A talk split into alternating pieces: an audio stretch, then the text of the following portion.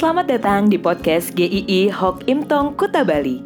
Penginjil Ray Reginaldi akan membagikan renungan harian singkat untuk membawa Anda mengenal dan menyembah Tuhan Yesus, bertumbuh dan menjadi murid Kristus, serta berdampak untuk banyak orang.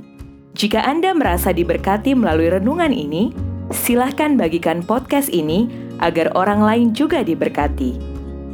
Inilah renungan hari ini.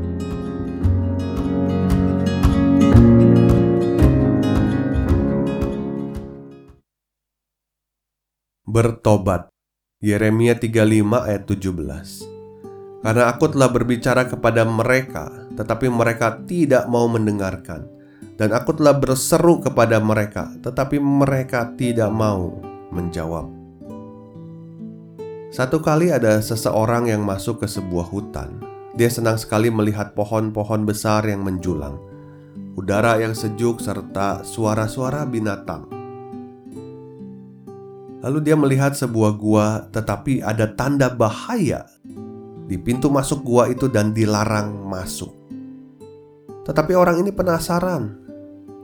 Temannya sudah memperingatkan dia, "Sudah, jangan. Kita masih bisa menikmati hutan ini tanpa masuk ke gua itu." Tetapi orang ini tidak mempedulikan tanda bahaya maupun peringatan dari temannya. Dia tetap masuk ke dalam gua yang gelap itu sendirian. Sampai beberapa meter, gua yang licin itu membuatnya terpeleset dan dia terjatuh ke dalam sebuah lubang yang curam dan dalam. Serupa dengan kita juga, kadang firman Tuhan sudah memperingatkan berkali-kali. Tetapi kita belum dengar sampai kita kapok dan kena batunya terlebih dahulu. Tuhan memberitakan firman-Nya kepada umatnya sering kali ada seruan-seruan untuk bertobat.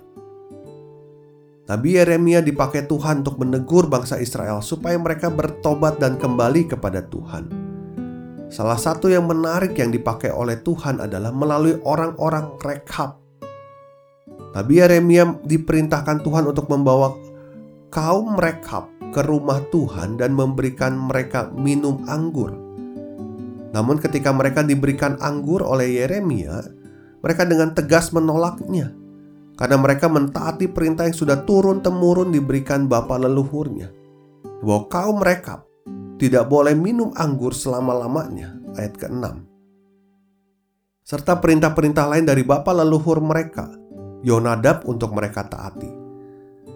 Itulah cara Tuhan mau mengingatkan kepada orang Israel tentang sebuah ketaatan orang-orang rekap itu bisa taat kepada bapa leluhurnya yang hanya seorang manusia yang sebenarnya tidak punya kuasa apa pun untuk menghukum orang yang melanggar perintahnya karena dia pun sudah tidak ada. Ada orang-orang yang tidak mengenal Tuhan Yesus bisa menghormati adat atau orang lain dengan sangat taat. Namun orang Israel tidak bisa taat kepada Allah semesta alam yang sangat berkuasa yang sudah begitu banyak melakukan perbuatan yang baik dalam hidup mereka. Sebuah perbandingan yang sangat jauh sekali antara seorang Yonadab yang adalah manusia biasa dengan Allah semesta alam yang menciptakan dunia dan segala isinya, yang memegang sejarah bangsa-bangsa. Dalam segala kesabaran, Allah berbicara berulang kali melalui nabi-nabinya supaya mereka kembali kepadanya. Tetapi orang Israel tidak mempedulikan. Mereka tidak mau memperhatikan dan mendengarkan Tuhan. Namun Allah adalah Allah yang tidak pernah berhenti mengasihi manusia. Pada akhirnya dia datang sendiri ke dalam dunia, memberikan hidupnya mati dan juga dia bangkit untuk menyelamatkan hidup manusia juga setiap kita. Mungkin nabi-nabi tidak berhasil untuk membuat orang kembali kepada Allah. Tetapi Tuhan Yesus tidak pernah gagal untuk membawa kita kembali kepada Allah. Sebagai orang-orang yang sudah dikasihi dan diselamatkan Allah, kita jalani hidup dengan penuh ketaatan, bukan untuk diselamatkan, tetapi karena sudah diselamatkan. Dengarlah dan lakukanlah firman Tuhan. Jangan kita hanya rajin mendengar firman, tetapi tidak pernah melakukannya. Hormatilah Tuhan sebagai yang terutama di dalam hidup kita. penghormatan tertinggi harus kita berikan dalam hidup ini kepada Tuhan saja. Biarlah kita boleh ketika mendengar firman, kita hidupi, kita berjalan di dalamnya. Tuhan memberkati.